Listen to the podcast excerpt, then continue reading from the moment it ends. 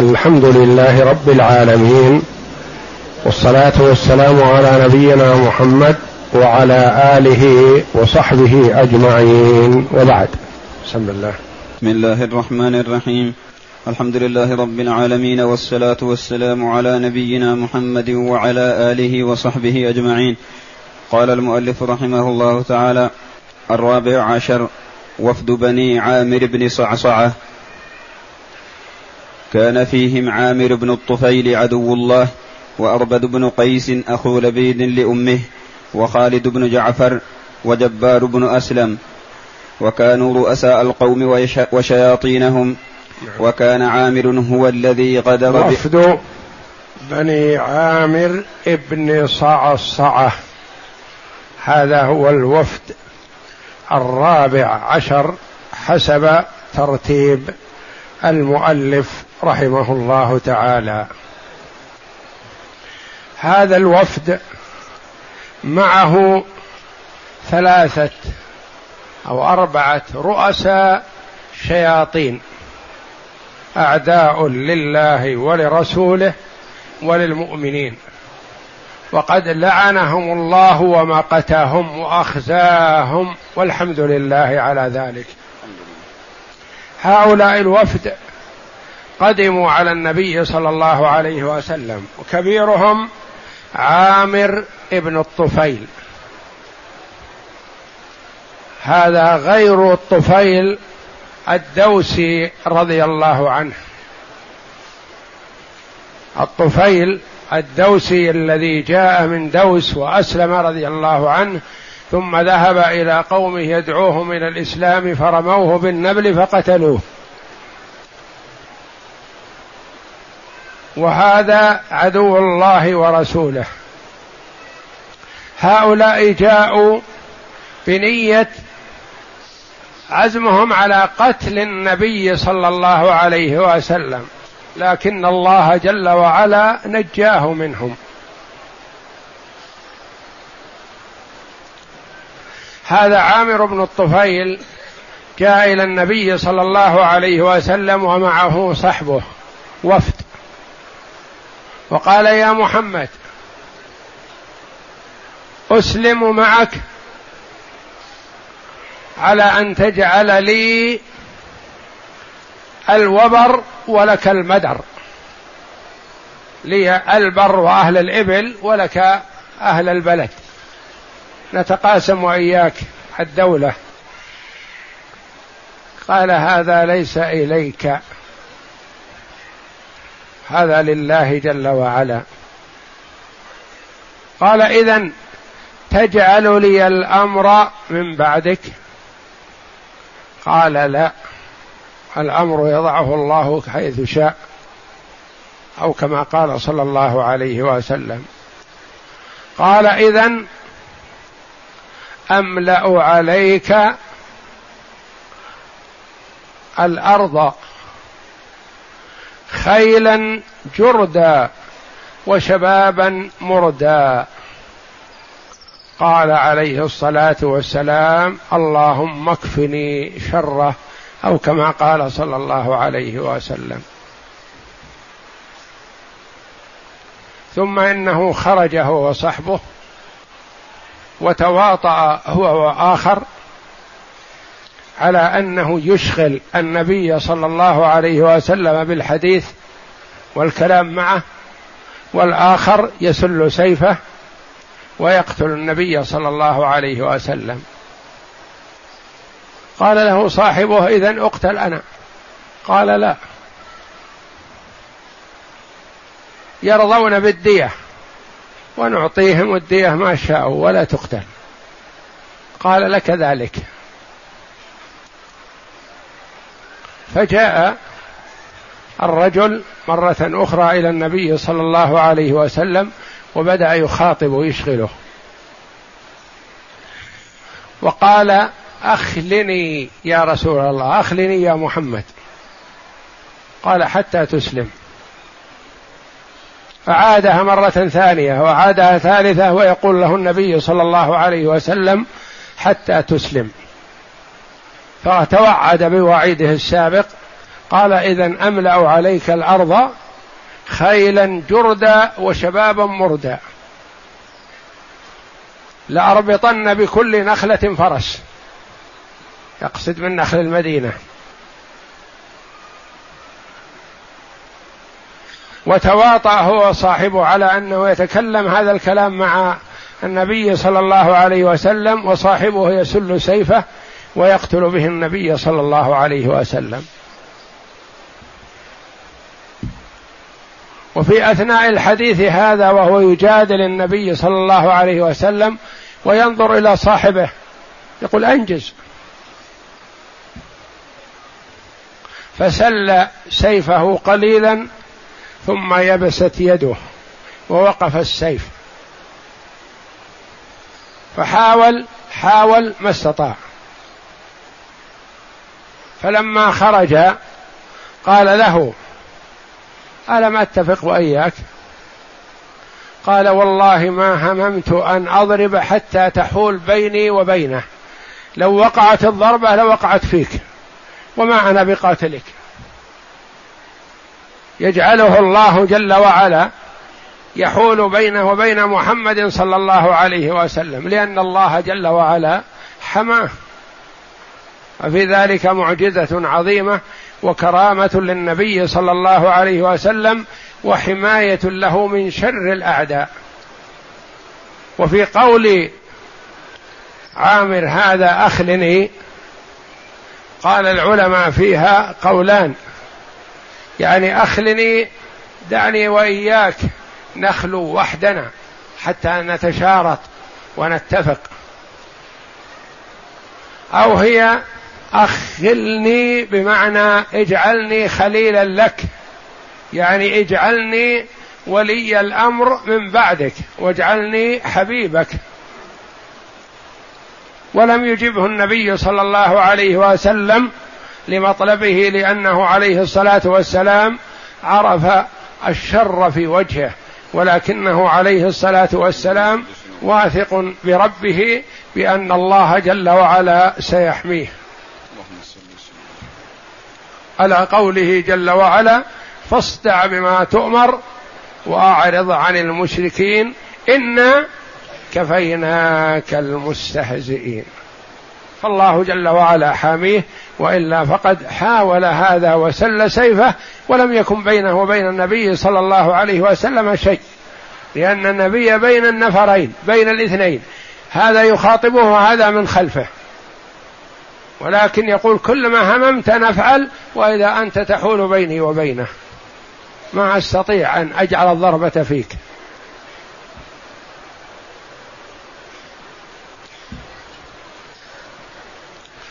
وعادوا بلا إسلام وأسلم كثير من قومهم ومنهم الصلحاء. لكن هؤلاء عادوا. وتوعد النبي صلى الله عليه وسلم بالوعيد الشديد لأنه ذو قدرة وذو مال ومطاع في قومه. ويستطيع من حيث المال أن ينفذ ما وعد لكن الأمر كله بيد الله تبارك وتعالى. لما خرج اللعين في طريقه نزل أواه الليل في بيت امرأة سلولية من بني سلول. من قبيلة دنيئة معروفة عند العرب بالدناءة. فبات عندها مضطرا. وفي أثناء الليل أحس بغدة نبتت في حلقه وأيقن بالموت. فقال لنفسه غدة كغدة البعير وموت في بيت سلولية يعني من أخس العرب؟ أين فرسي؟ فركب فرسه وركبه ومات على فرسه وسقط على الأرض. فكفى الله جل وعلا رسوله صلى الله عليه وسلم والمؤمنين شره.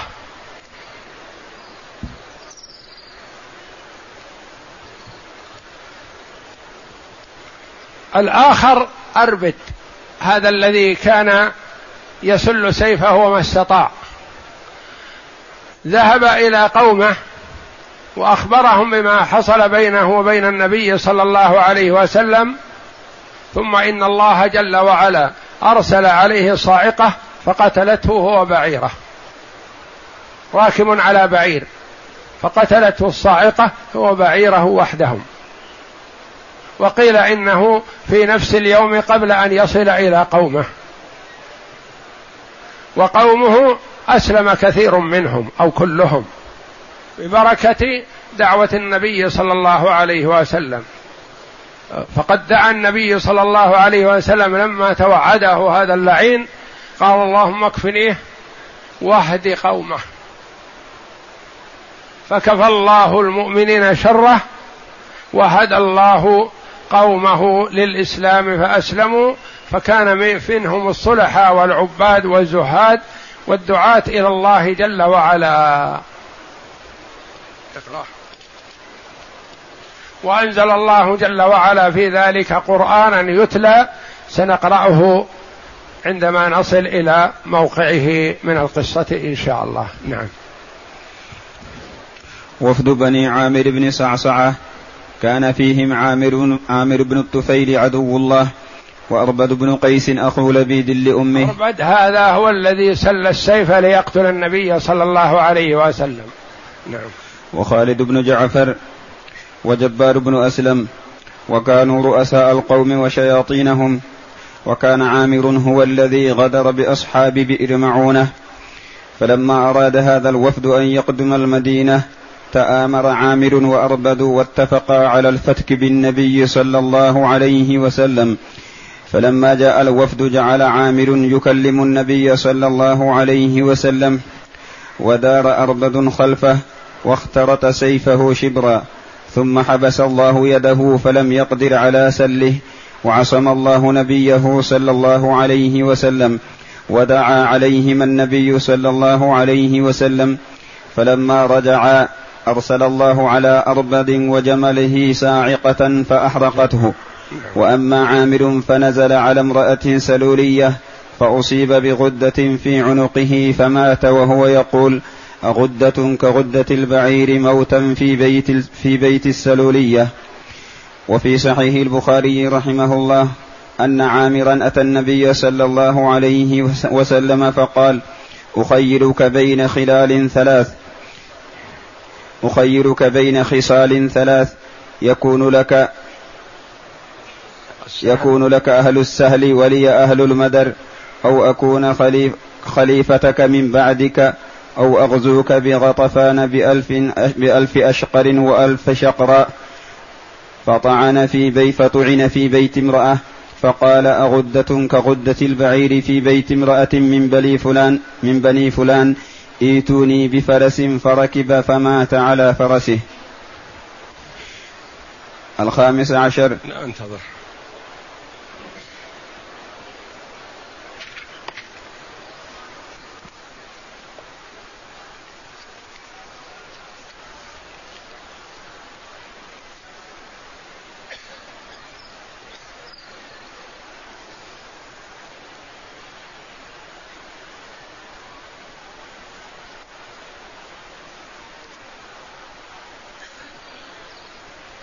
يقول ابن كثير رحمه الله في البداية والنهاية قال ابن إسحاق وكانوا هؤلاء الثلاثة الذين هم عامر بن الطفيل وعربد بن قيس لجزء بن خالد وجزء بن خالد وخالد وجبار بن سلمى.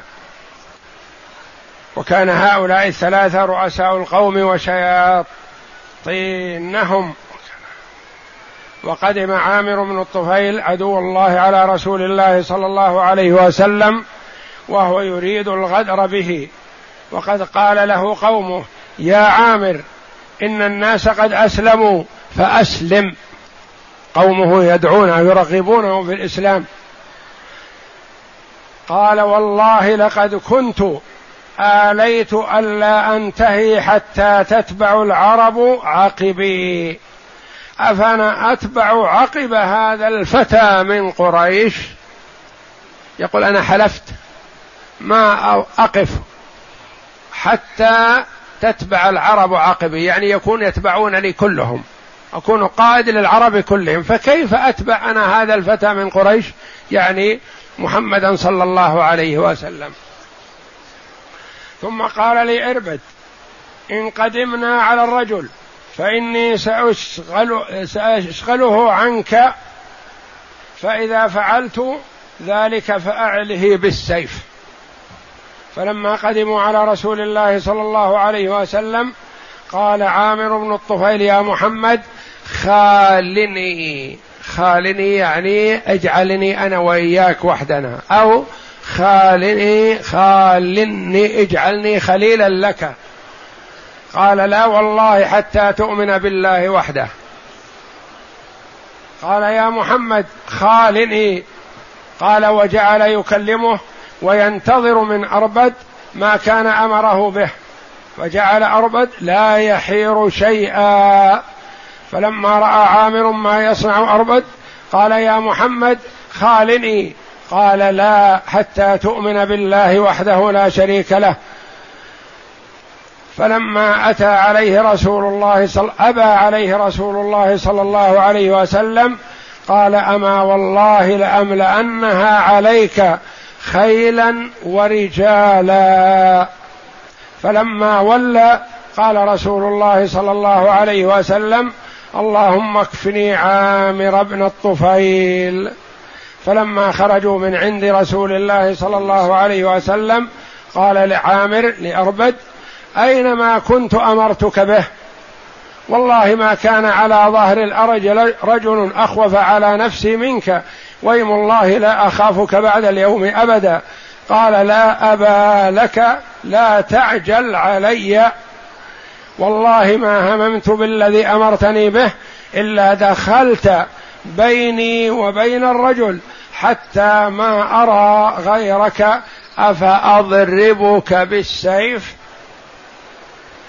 وخرجوا راجعين إلى بلادهم حتى إذا كانوا ببعض الطريق بعث الله عز وجل على عامر بن الطفيل الطاعون في عنقه فقتله الله في بيت امرأة من بني سلول فجعل يقول يا بني عامر أغدة كغدة البكر في بيت امرأة من بني سلول؟ قال ابن هشام ويقال أغدة كغدة الإبل. وموتا في بيت سلولية.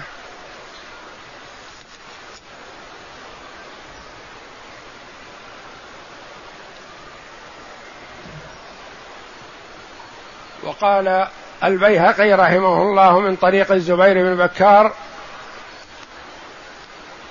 قال أتى عامر بن الطفيل رسول الله صلى الله عليه وسلم فقال له يا عامر أسلم.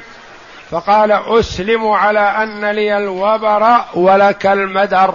يعني لي البر ولك البلد. قال لا. ثم قال أسلم. قال أسلم على أن لي الوبر ولك المدر. قال لا. قال فولى وهو يقول والله يا محمد لأملأنها عليك خيلا جردا ورجالا مردا. ولأربطن بكل نخلة فرسا.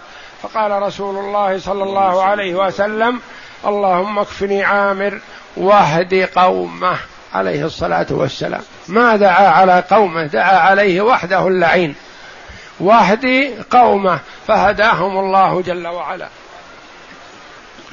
فخرج حتى إذا كان بظهر المدينة صادف امرأة من قومه يقال لها سلولية فنزل عن فرسه ونام في بيتها فأخذته غدة في حلقه فوثب على فرسه وأخذ رمحه وأقبل يجول وهو يقول غدة كغدة البكر وموت في بيت سلولية فلم تزل تلك حاله حتى سقط عن فرسه ميتا.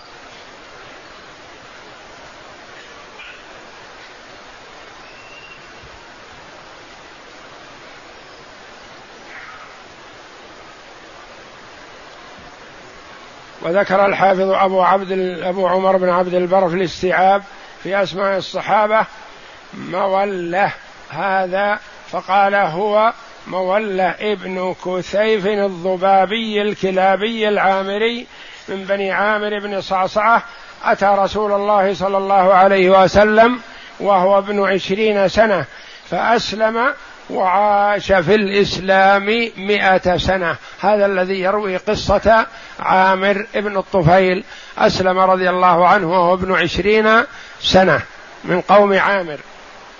وكان يدعى ذا اللسانين من فصاحته رضي الله عنه. روى عنه ابنه عبد العزيز وهو الذي روى قصة عامر بن الطفيل.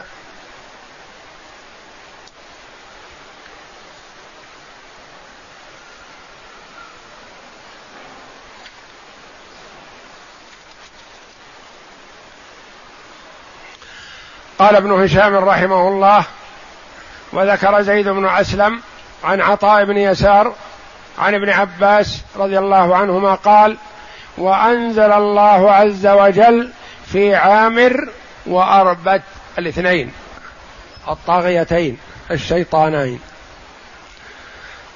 الله يعلم ما تحمل كل أنثى وما تغيض الأرحام وما تزداد وكل شيء عنده بمقدار. عالم الغيب والشهادة الكبير المتعال. سواء منكم من أسر القول ومن جهر به ومن هو مستخف بالليل وسارب بالنهار. هذا فيما تسارى فيه بعضهم لبعض.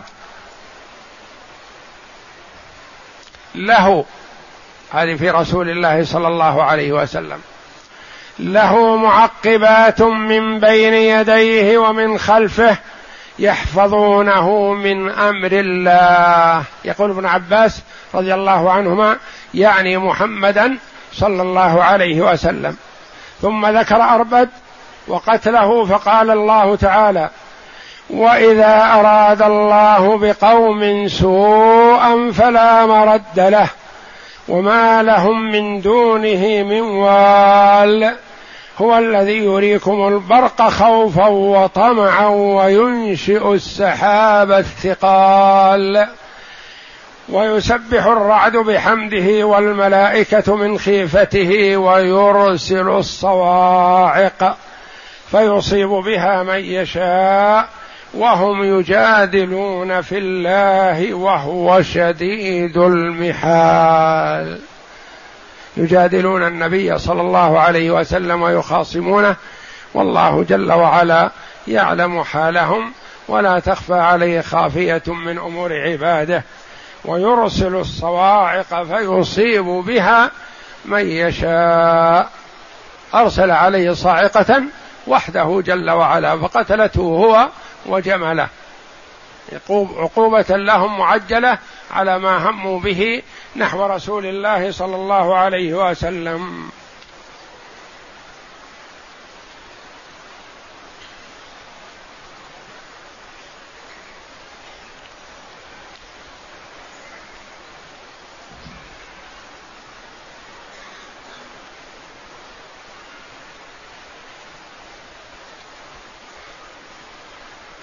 وجاء في هذه القصة فلما خرج أربد وعامر من عند رسول الله صلى الله عليه وسلم حتى إذا كان بالحرة نزلا فخرج إليهما سعد بن معاذ وأسيد بن حضير فقال اشخصا يا عدو الله لعنكم الله. فقال عامر من هذا يا سعد؟ قال أسيد بن حضير فخرج حتى إذا كان بالرقم أرسل الله عز وجل على أربد صاعقة فقتلته. فهذه الروايات تدل على أن وفود هذين الرجلين متقدم قبل سنة تسع لأن سعد بن معاذ رضي الله عنه مات بعد أحد رضي الله عنه.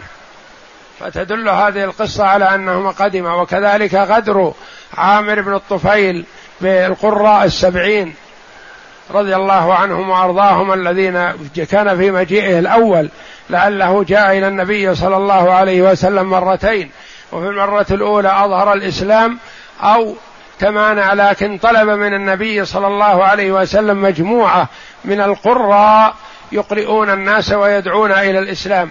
فاختار له النبي صلى الله عليه وسلم سبعين من القراء من خيار الصحابة رضي الله عنهم يخرجون معه ليدعو الناس إلى الإسلام وتوعد ووعد بأنه سيحميهم لكنه خان وغش فعاقبه الله جل وعلا بما هو مستحق له. خان وغدر مع هؤلاء القراء وسلط عليهم قومه فقتلوه فلم ينج منهم إلا واحد. ذهب ليخبر عما صنع بقومه من الغدر.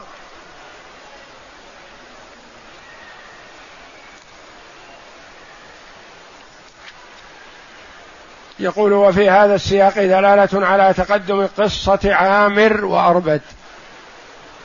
وذلك لذكر سعد بن معاذ فيه والله أعلم.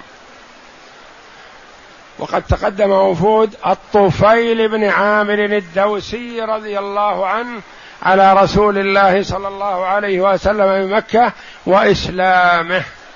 لا يتشابه عليكم هذا مع هذا. الطفيل ابن عمرو. الطفيل بن عامر الدوسي من جماعة أبي هريرة رضي الله عنهما. وهو الذي أسلم وهو الذي ذكرت لكم سابقا أنه أراد أن يجعل في أذنيه القطن حتى لا يسمع من النبي صلى الله عليه وسلم شيئا يضره ويسحره به. لأن الطفيل بن عامر رضي الله عنه كان لبيب من خيار العرب. فلما علمت قريش أنه سيقدم مكة قالت إن اسلم إن سمع هذا من محمد فإنه سيستجيب له. وإن استجاب لمحمد استجابت له دوس. وإن استجابت دوس صار لمحمد أنصار وقوم. فتلقوه قبل أن يدخل إلى مكة. وقالوا إنا نجلك ونحبك ونعظمك ونخاف عليك من رجل عندنا ساحر كاهن. يفرق بين الرجل وأبيه وبين الزوج وزوجه. فاحذر أن تسمع منه كلمة يضرك. يقول حتى حممت من كثرة ما قالوا أن أجعل في أذني القطن حتى ما أسمع من هذا الرجل شيء. أخاف أني أمر به وهو يتكلم فأسمع شيء من كلامه فيضرني. يقول لما كدت أن أفعل رجعت إلى نفسي. وقلت أنا أعرف أعرف الصحيح من السقيم وأعرف الكلام الطيب من الردي. ما يجهل هذا مثلي إلا أسمع منه وأنظر. فإن كان خيرا قبلته وإن كان شرا رددته.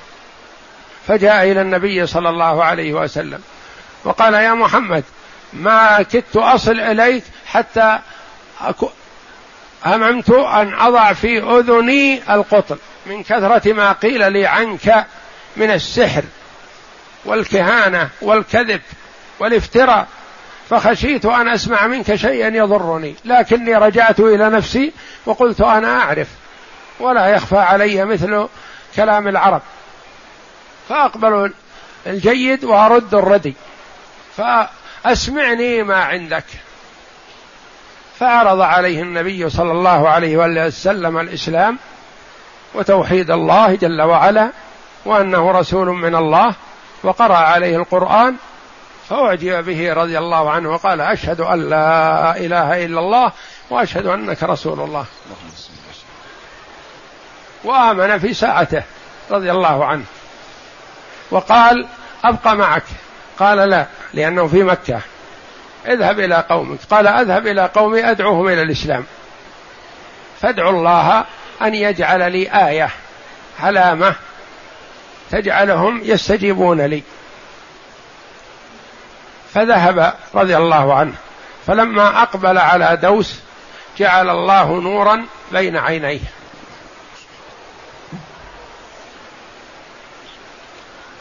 فقال في نفسه اللهم يا ربي أخشى أن يكون هذا يظنونه مثله. يا رب في غير وجهي.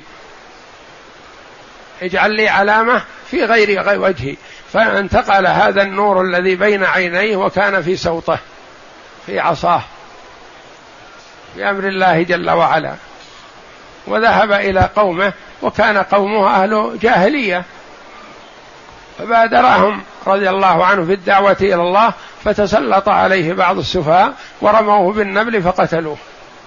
رضي الله عنه. فهذا الطفيل ابن عامر هو المسلم الذي صحب النبي صلى الله عليه وسلم رضي الله عنه وذهب إلى قوم يدعوهم إلى الإسلام. والآخر عامر ابن الطفيل لا هذا من هذا ولا هذا من هذا. ما واحد ينتسب إلى الآخر لكن الاسم متقارب. هذا اللعين الشقي الذي غدر بالقراء وكاد أن يغدر بالنبي صلى الله عليه وسلم لكن الله جل وعلا كفاه شره. والله أعلم. وصلى الله وسلم وبارك على عبده ورسول نبينا محمد وعلى آله وصحبه أجمعين.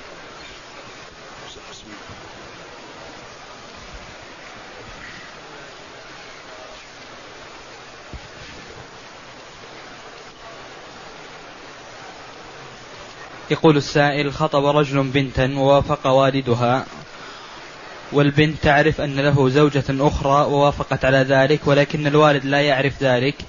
ولو عرف ذلك فإنه سينكر الزواج. فهل يصح الزواج بهذه الصورة؟ أو يجب عليه أن يكشف حاله؟ الزواج صحيح وليس بشرط أن يعلم الوالد عن الزوج هل في عصمته زوجة أو ليس في عصمته زوجة. وخاصة ما دام البنت التي هي الزوجة تعرف أن هذا الذي عقد له عليها عنده زوجة أخرى فلا بأس بهذا.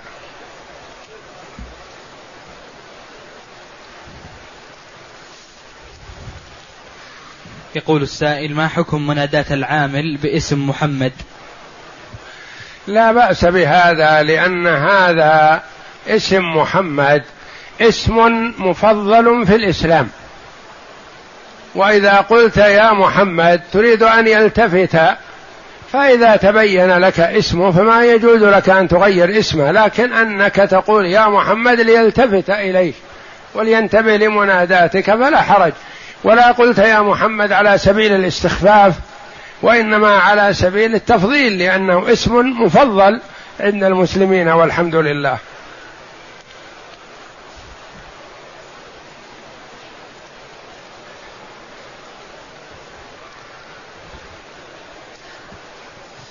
يقول السائل ما معنى غدة في قول المؤلف؟ أغدة كغدة البعير. غدة الغدة الطلع الذي يكون في الحلق أو في الأبط أو في كذا. يكون هذا نوع من أنواع الطاعون القاتل بإذن الله. فهذه الغدة الغدة طلع أو ورم يكون في مكان غالبا ما يكون في الأماكن الرقيقة رقيق اللحم فيقتل صاحبه بإذن الله. ومن نوع الطاعون.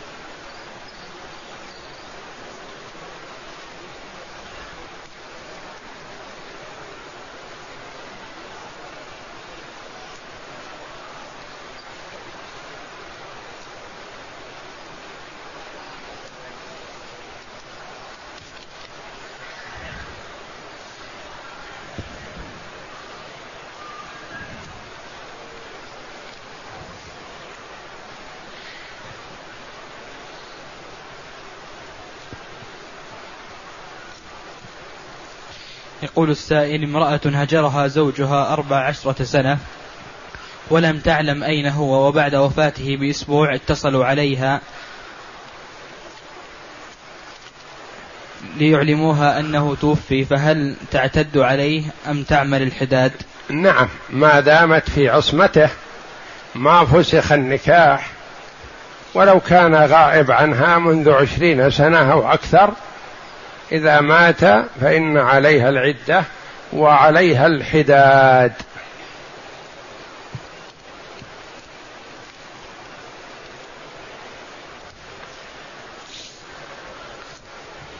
يقول السائل هل يجوز استعمال موانع الحمل لمدة سنتين بسبب الدراسة؟ من حيث الجواز يجوز لكن قد يسبب أضرار كثيرة. يمنع الحمل بالكلية. يكون دواعي الحمل ربما تكون ضعيفة وخاصة عند الفتاة الصغيرة. فإذا استعملت موانع ربما تقضي عليها بالكلية. فإذا رغبت في الحمل فيما بعد ما تيسر لها ذلك. واستعمال موانع الحمل لظروف خاصة لا حرج في هذا ما لم يكن تبرما بالأولاد. ما يجوز للأبوين أن يتفقا على منع الحمل خشية من نفقة الأولاد أو القيام عليهم لأن الله جل وعلا تكفل بأرزاق عباده.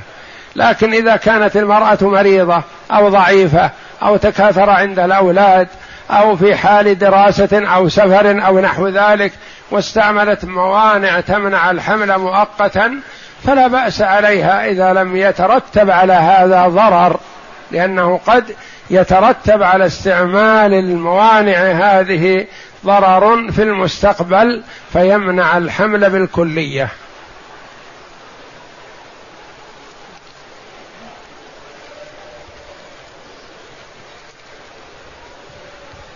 يقول السائل هل يجوز أن أعطي ابني زكاة مالي إذا كان موظف وعليه دين وإيجار منزل.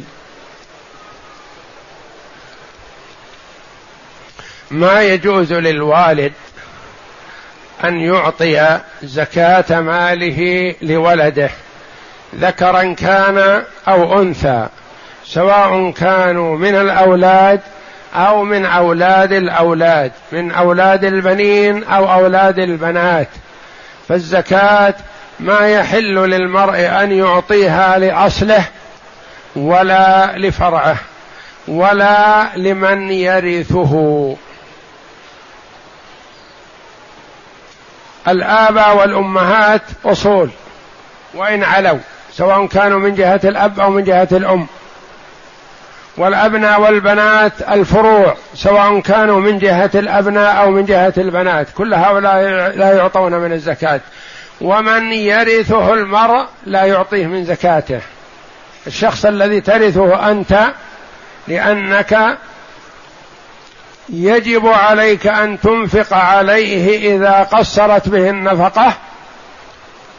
فإذا كنت ترثه وقصرت به النفقة فيجب عليك أن تنفق عليه فلا يجوز لك أن تعطيه من زكاة مالك.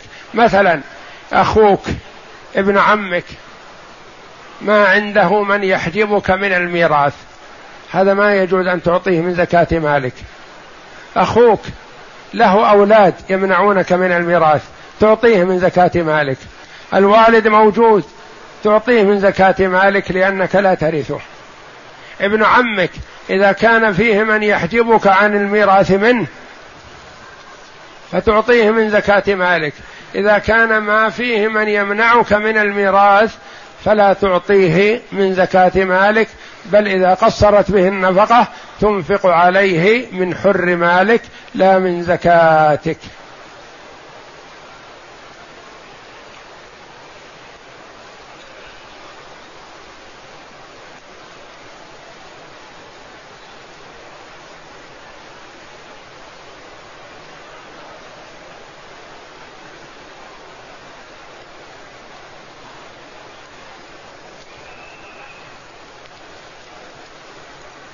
يقول السائل أنا مستقر في مدينة الرياض وجاءتني دورة في الطائف لمدة ستة أشهر.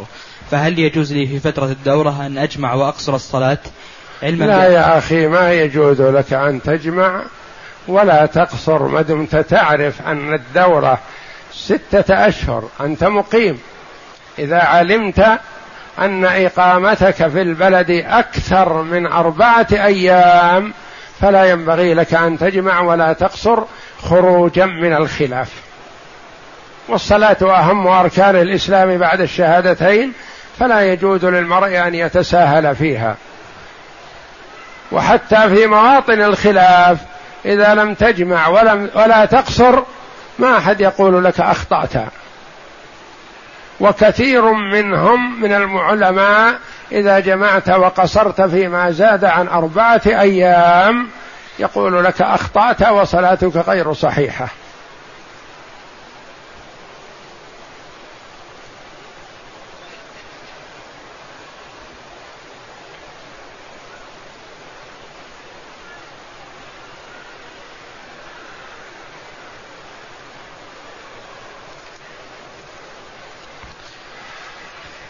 يقول السائل يأتي إلي بشكل كبير شك يكون أحيانا أقرب إلى اليقين أثناء صلاتي بأنه قد انتقض وضوئي بنزول قطرات بول وهذا يؤدي بي أحيانا إلى قطع الصلاة بل العمل وهذا مستمر معي. أولا قد يعرض للإنسان في أثناء الصلاة شك من حيث انتقاض الوضوء بالريح أو بشيء من البول فما دام في درجة الشك فلا يلتفت له. هو دخل الصلاة بوضوء متيقن فلا ينصرف عن صلاته بانتقاض الوضوء المشكوك فيه. لا يلتفت للشك لأن اليقين أنه على وضوء. وانتقاض الوضوء مشكوك فيه فالأصل الثابت هو أنه على وضوء. هذه حال. الحالة الثانية أن يكون يقين يتيقن نزول قطرات البول. فهذا لا يخلو من أمرين. إما أن يكون عارض لسبب من الأسباب. إما نتيجة الاسراع أو نتيجة الاهتمام بشيء ما. أو ضعف مرض عارض فهذا إذا جزم بنزول القطرات فينتقض وضوءه وعليه أن يخرج من الصلاة ويتوضأ. هذه حال. الحالة الثانية أن يكون هذا معه باستمرار. كلما دخل في الصلاة أو قبل أن يدخل في الصلاة يشعر بهذا الشيء. هذا يسمى معه سلس البول. سلس البول الذي يخرج من الإنسان بلا تحكم منه. وكل وكلما توضأ حصل معه هذا. هذا يسمى من ذوي الأعذار. وله أحكام خاصة. في أنه لا يتوضأ إلا بعد دخول الوقت. وإذا توضأ بعد دخول الوقت لا يلتفت لما يحصل منه من خروج قطرات البول لكن يتخذ وقاية تمنع هذا وتمنع تلويث نفسه وتلويث المصلاه. ويصلي بهذا الوضوء الفرض والنوافل ما دام في الوقت. فإذا انتهى الوقت وخرج الوقت هذه الصلاة فيتوضأ للصلاة الأخرى وضوءا جديدا وهكذا. وهذا يسمى من ذوي الاعذار ويسميه الفقهاء من حدثه دائم. فيشترطون في صحة الوضوء لمن حدثه دائم دخول وقت لفرضه. فمثلا لو توضأ لصلاة الضحى وصلى صلاة الضحى ثم أذن الظهر فلا يتوضأ فلا يصلي بالوضوء السابق صلاة الظهر لأنه توضأها لها قبل دخول الوقت فيتوضأ بعد دخول الوقت فإذا دخل وقت صلاة الظهر توضأ وصلى به الظهر والنوافل قبلها وبعدها إلى العصر فإذا خرج وقت صلاة الظهر ودخل وقت صلاة العصر يتوضأ وضوءا جديدا. وهكذا وهذا معروف في الفقه من به سلس البول أو من حدثه دائم. لأن من به سلس البول جزء ممن به حدث دائم لأن من حدثه دائم من يكون معه الريح من يكون معه الغائط من يكون معه البول. فهذا له أحكام خاصة يسرها الله جل وعلا بهذا المرض.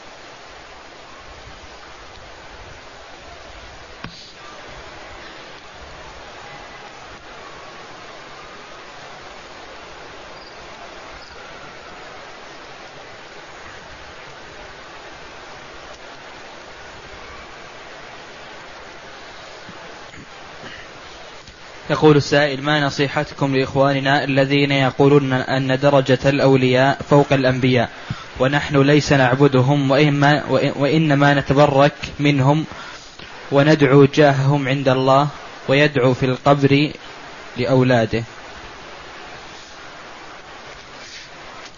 أولا قولهم إن منزلة الأولياء أو درجة الأولياء فوق الأنبياء. هذا جهل وضلال. الأنبياء اصطفاهم الله جل وعلا على عباده فهم المفضلون. ولا أحد يصل درجتهم ممن دونهم ممن لم يكن منهم. فاولا فضل الله جل وعلا بعض الرسل على بعض كما قال جل وعلا تلك الرسل فضلنا بعضهم على بعض. والرسل مفضلون على الأنبياء والرسل فيهم أولو العزم خمسة أولو العزم نوح وإبراهيم وموسى وعيسى ومحمد صلى الله عليهم وسلم. هؤلاء أولو العزم من الرسل وهم المفضلون على الصحيح وإلا قيل في أولي العزم غير هذا. أولو العزم مفضلون ثم بقية الرسل ثم الأنبياء ثم الصلحاء الصديقون والشهداء. ما جاء في القرآن تفضيل الأولياء وإنما الصديقين. أولئك مع الذين أنعم الله عليهم من النبيين والصديقين والشهداء والصالحين وحسن أولئك رفيقا. والولاية اليوم قد تعطى لعدو من أعداء الله وقد تعطى لكلب وخنزير وقبر ليس فيه أحد. يقال هذا قبر ولي وربما يكون فيه كلب أو حمار أو نحو ذلك. وقولهم إن لسنا نعبدهم هذا ما قالت كفار قريش. إنما نعبدهم ليقربونا إلى الله زلفى. هؤلاء يزعمون أنهم ليسوا يعبدونهم وهم أشد من كفار قريش في عبادة اللات والعزى. كفار قريش يعبدون اللات والعزى في الرخاء. فإذا حصلت الشدة أخلصوا العبادة لله. وهؤلاء الذين يترددون على الأولياء يعبدونهم في الرخاء والشدة بل إنهم في الشدة أشد.